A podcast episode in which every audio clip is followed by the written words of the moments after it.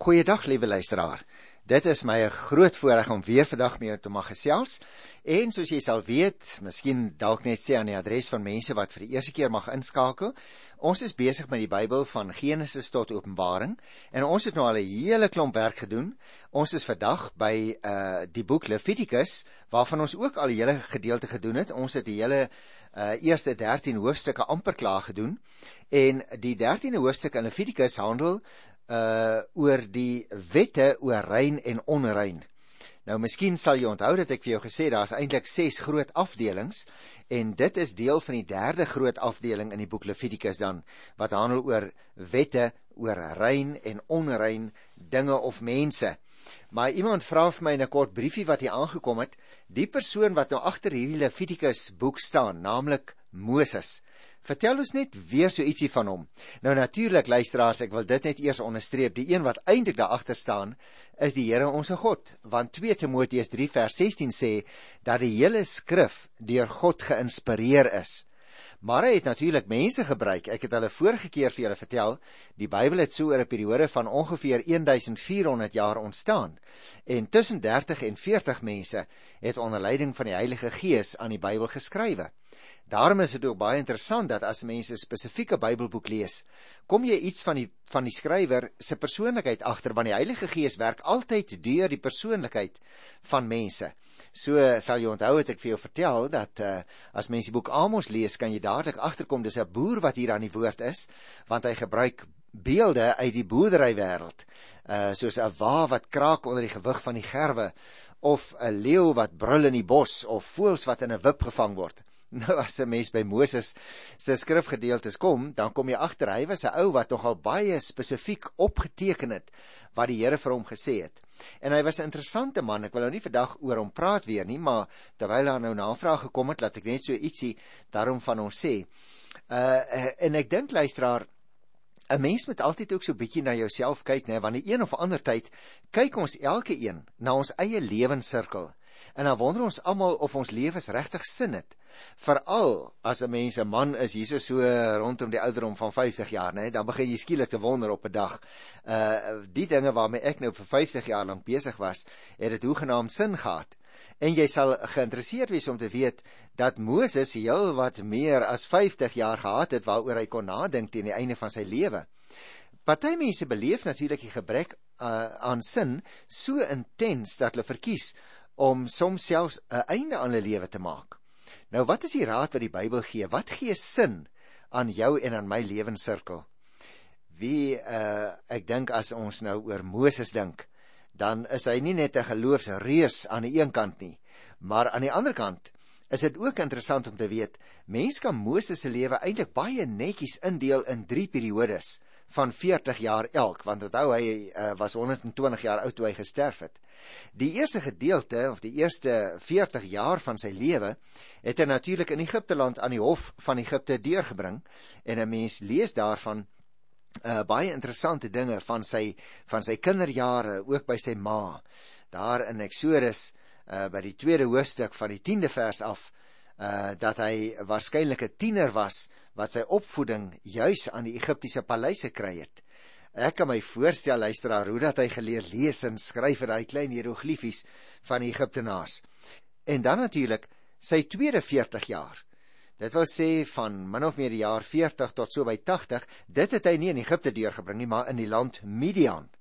En toe was hy 'n volwasse man. En ek het my dikwels al gevra nou hoekom sou die Here so gereël het? Ek dink die antwoord daarop is omdat die Here hom juis voorberei het vir die woestynlewe dat hy dit moes ken want hy was fyn opgelei nê in Egipte aan die hof. Maar in die woestyn uh, was dit 'n baie ruwer en 'n grower lewe en dinge waarmee hy in aanraking gekom het. En dan natuurlik sy eh, sy derde 40 jaar. Ek wonder of jy onthou toe ons die boek Eksodus behandel het, het ek vir jou vertel Moses was 'n man van 80 jaar oud voor hy ehm um, voor die farao gaan staan het. Jy sal dit kry in Handelinge 7 by die 30ste vers. Ehm um, wat vertel hy was 80 jaar oud en eers daarna sou hierdie ou man voor sy volk gaan staan om hulle uit Egiptiese slawerny te verlos. Nou die vraag is natuurlik nou wat het sin gegee aan hierdie man se lewe?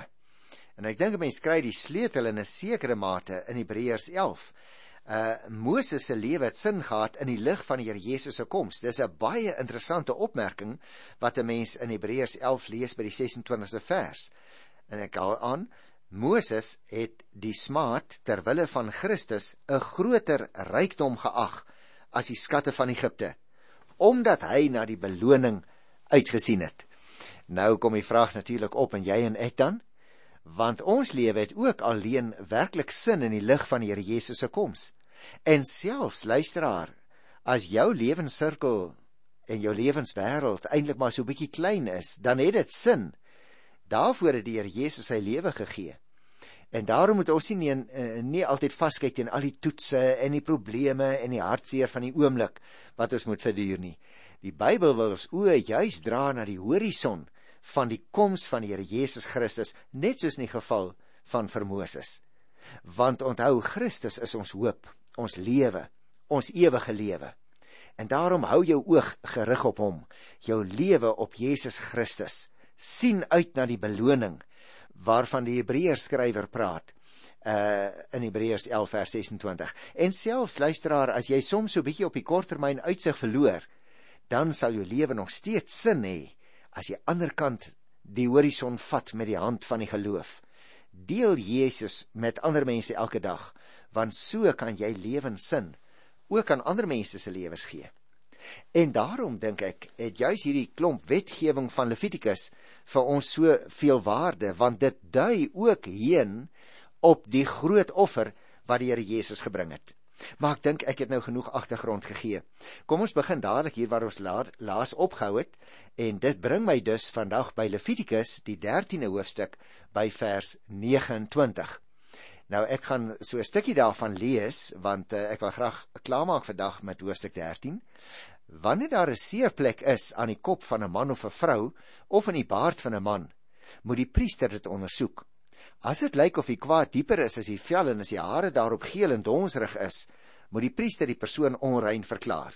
Dit is 'n skurfsiekte, 'n velsiekte aan die kop of die gesig waardeur die persoon onrein gemaak word.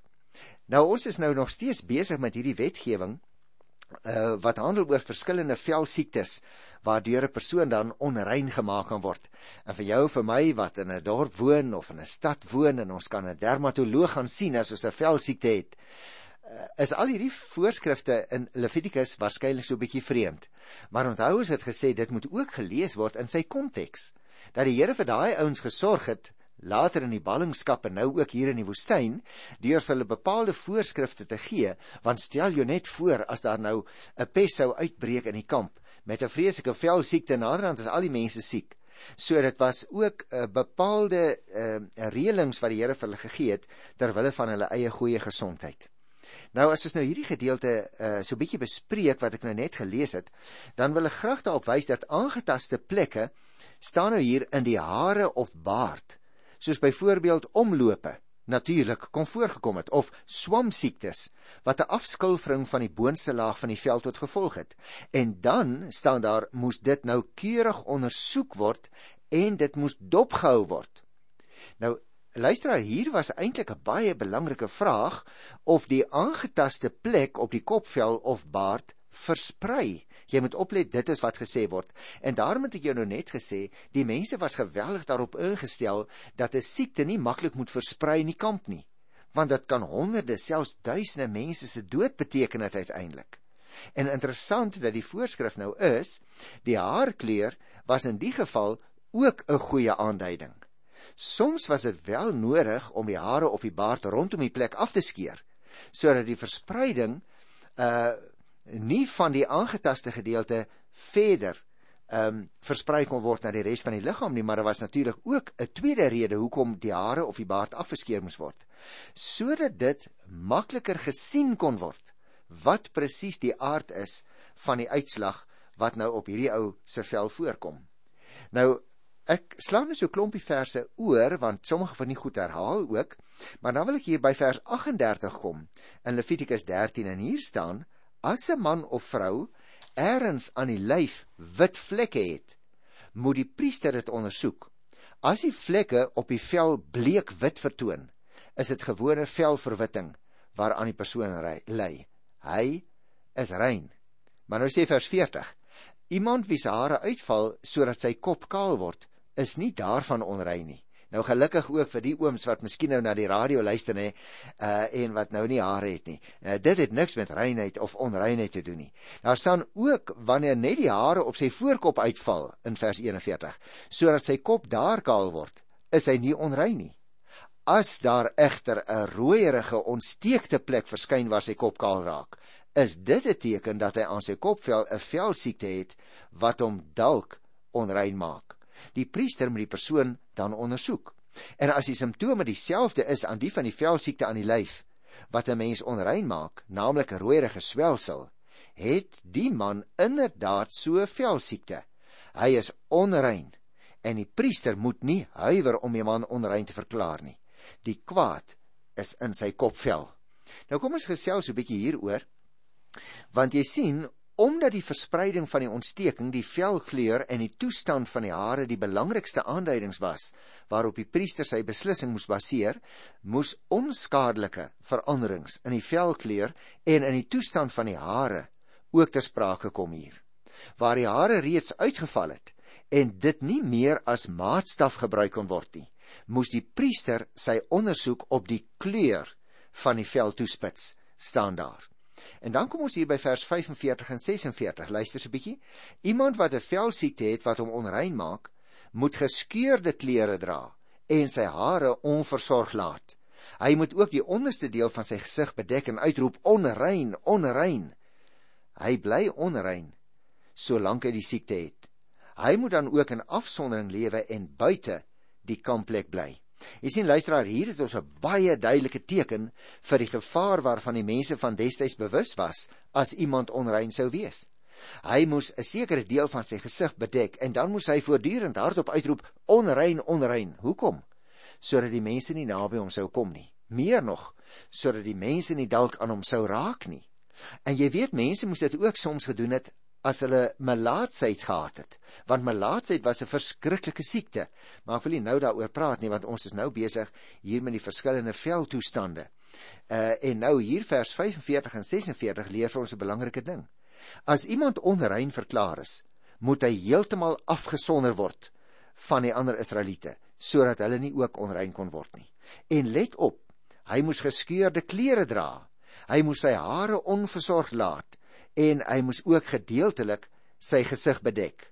En dit was dus nakies terselfdertyd ook in ander omstandighede weer tekens van rou. Nou om van die gemeenskap met God en sy volk afgesny te word, was natuurlik iets om oor te rou. So 'n persoon moes almal wat naby hom kom waarsku deur hardop uit te roep: onrein, onrein. En nou gaan ek die laaste stukkie van Levitikus 13 doen hier van vers 47 af. En die opskrif daarvan in die Afrikaanse teks is oor die skimmel wat onrein maak. Ek gaan net so 'n stukkie daarvan lees. As daar 'n kol skimmel is op 'n kledingstuk of op garing of materiaal van linne of wol of op vel of enige velartikel en die skimmel het 'n groenerige of 'n rooierige kleur, kan dit skadelike skimmel wees en moet dit aan die priester gewys word. Die priester moet die kol ondersoek en die artikel met die skimmel 'n week lank eenkant sit. Op die sewende dag moet hy dit weer ondersoek. As die kol op die kledingstuk of garing of materiaal of vel artikel groter geword het, is dit skadelike skimmel. Dit is onrein. Die Israeliete moes nie net rein wees wat hulle liggame betref nie, maar ook wat hulle klere betref. Nou het ons hier gelees op klere en materiaal waarvan klere en skoene gemaak kan word. Kom daar soms skimmel, dit wil sê muf of swamme voor. En vir daardie mense was dit 'n teken van bederf. En daarom was so iets vir die heilige volk van God onbruikbaar. Nou behalwe die onreinheid wat oordraagbaar was op ander mense, het daar ook die moontlikheid natuurlik bestaan dat so 'n kledingstuk na die heiligdom toe oorgedra kon word. Nou net soos in die geval van velsiektes was onrein maak, ons het daar van die eerste uh, verse gelees van hierdie hoofstuk, uh moes die priester beslis of die artikel dalk onrein is. En sy ondersoek was dan daarop gerig om vas te stel of die swamme aktief groei of nie, met ander woorde of dit uitbrei. As dit na 'n week nog aktief groei, na 'n tweede week nog dieselfde kleur het of later weer hervat, dan moes die kledingstuk of die artikel verbrand word. Dit lees 'n mens hier van die 50ste vers af tot by vers 57. Maar nou interessant. As die swamme na 2 weke tekens toon dat dit dood is, moes die bedorwe plek verwyder word en dan is die kledingstuk of die artikel rein na 'n tweede keer dit gewas is. So sê die 58ste vers. Nou luisteraars, dit bring my aan die einde van uh Levitikus by die 13de hoofstuk en ek wil dadelik voortgaan met hoofstuk 14. Nou hoofstuk 14 is nou ook 'n interessante gedeelte en daar word nou spesifiek gehandel oor reinigingsvoorskrif vir velsiekte wat onrein maak.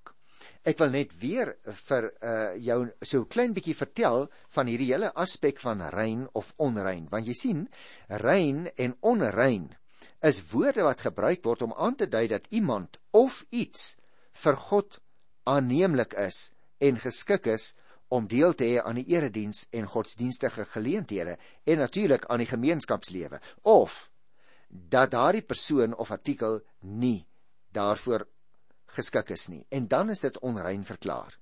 Nou die skrifgeleerdes het by die voorskrifte van die wet wat ons veral in die boek Levitikus en Numeri kry, nog ander voorskrifte ook gaan byvoeg wat vir elke situasie onder die son omtrent voorsiening gemaak het. Mens kry so ietsie daarvan in die Nuwe Testament, né? Uh in Markus 7 kan jy gerus gaan lees, want juis in die tyd van die Nuwe Testament was die uh, skrifgeleerdes en die fariseërs baie baie erg behep met al die voorskrifte wat deur die Here Jesus beskrywe is as mensgemaakte reëls. Iemand wat byvoorbeeld onrein geword het, moes 'n bepaalde reinigingshandeling uitvoer. En dit is waaroor ons nou ook gaan praat in hierdie 14de hoofstuk van Levitikus. Want jy sien, nadat 'n reinigingstyd uh verloop het, is die voorgeskrewe reinigingsoffer gebring. Daaroor het ek wel vorige keer met jou gepraat. Daarna het die persoon wat gereinig is, weer as rein gegeld. Die reiniging van melaatses byvoorbeeld kon alleen volg op volkomme genesing. Dit kry jy 'n baie goeie voorbeeld van in Matteus by die 11de hoofstuk uh wanneer die Here Jesus ook daaroor praat.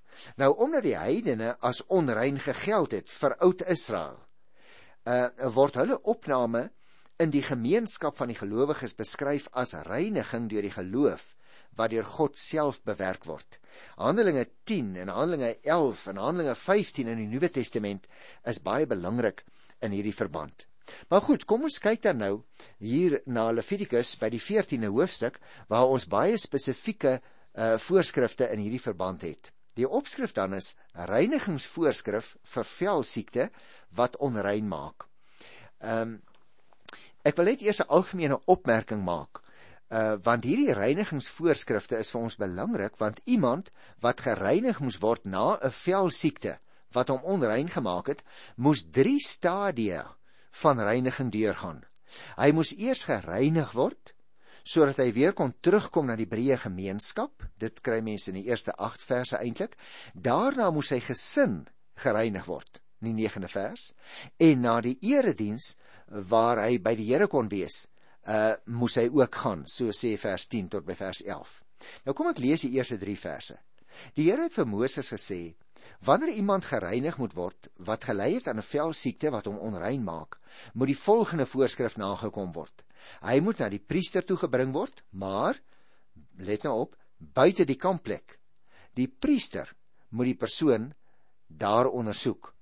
Nou luisteraars om uh, uit sy afsondering terug te kom na die gemeenskap toe moes iemand wat gereinig moes word na 'n velsiekte 'n hele reinigingsseremonie buite kan die kampplek deurloop.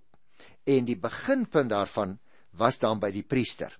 Want uh, hier staan die priester moet die persoon daar ondersoek en as hy genees is van die velsiekte. Nou kom ek by vers 4, moet daar op bevel van die priester twee lewende rein voëls, 'n stukkie seedraut, bloedrooi garing en 'n hisoptakkie gebring word vir die persoon wat gereinig moet word. En op die bevel van die priester moet die kop van een voël afgesny word oor 'n erdebakkie waarin vars water is. Die priester moet dan die lewende voël vat en hom saam met die stukkie seedraut, die bloedrooi garing en die ander dinge wat genoem is, ehm um, oor die vars bakkie water hou. Hy moet die water met die bloed in 7 maal sprinkel oor die persoon wat gereinig moet word van sy siekte en hom dan rein verklaar. Daarna moet hy die lewende voël in die veld loslaat. Nou dis 'n interessante gegewe hier, né? Uh ook die feit dat hy moes 'n stukkie seedraut in bloedrooi garing in 'n hisop takkie uh uh bring. Nou dit is tussen hakies dikwels gebruik in reinigingsvoorskrifte. Jy kan gerus gaan lees in Numeri 19 af in die 6de vers ook. 'n Stukkie seedraut tussen hakies is waarskynlik gebruik vanweë die aangename reuk daarvan. Nou in die ou tyd was hisop bekend vir sy genesende eienskappe. Volgens oorlewering is die bloedrooi garing wat dan die simbool is van bloed en lewe gebruik om die stukkie seedraut en hisop aan mekaar te bind. Een van die twee lewende rein voëls se bloed, lees ons, gemeng met vars water, is dan gebruik om die persoon mee te besprinkel en om die ander voël in te dompel. Daardeur is twee sake bereik. Aan die een kant, die bloed reinig natuurlik van sonde en onreinheid. Deur die besprinkeling met bloed is die persoon gereinig. Maar aan die ander kant, die bloed bind ook saam. Deur die bloed kom daar 'n band tot stand tussen die lewende voël en die onreinheid van die persoon. Die voël wat nou losgelaat word, dra as dit ware die onreinheid weg, ver weg van die persoon wat rein geword het. Net soos die bok wat met die jaarlikse versoeningsdag in die woestyn ingejaag is en wat die sonde weggedra het. Ons gaan daarby kom as ons oor 16 behandel. Maar let nou hier op die volgende afdeling van hierdie ritueel eh, van vers 8 af hier in Levitikus 14. Die persoon wat gereinig is, moet sy klere was, al sy hare afskeer en bad. Dan is hy rein en dan mag hy in die kampplek ingaan, maar hy moet nog 'n week buite sy tent bly. Nou dis ook belangrik dat ons dit hier lees. Want soos dikwels by die reinigingsseremonies, moes die persoon sy klere was omdat dit ook onrein geword het deur die kontak met sy eie liggaam. Verder staan daar moes hy al sy hare afskeer en hy moes ook bad. Hare wat 'n natuurlike belangrike rol gespeel in die godsdiens van Israel en ook tussen hakies in die van die heidene. Wanneer 'n Israeliet se hare afgeskeer het, was dit gewoonlik 'n teken dat 'n bepaalde tydperk verby is. Gaan kyk gerus in Handelinge 18, daar by die 18de vers en verder. In die geval van 'n persoon wat gereinig is na 'n velsiekte, was die afskeer van sy hare waarskynlik die teken dat sy onreinheid nou agter die rug is en dat hy nou 'n nuwe begin kan maak. En dit het hom dan toegang gegee, maar let nou op, dit het hom slegs toegang gegee tot die kampplek Dit wil sê tot die gemeenskap.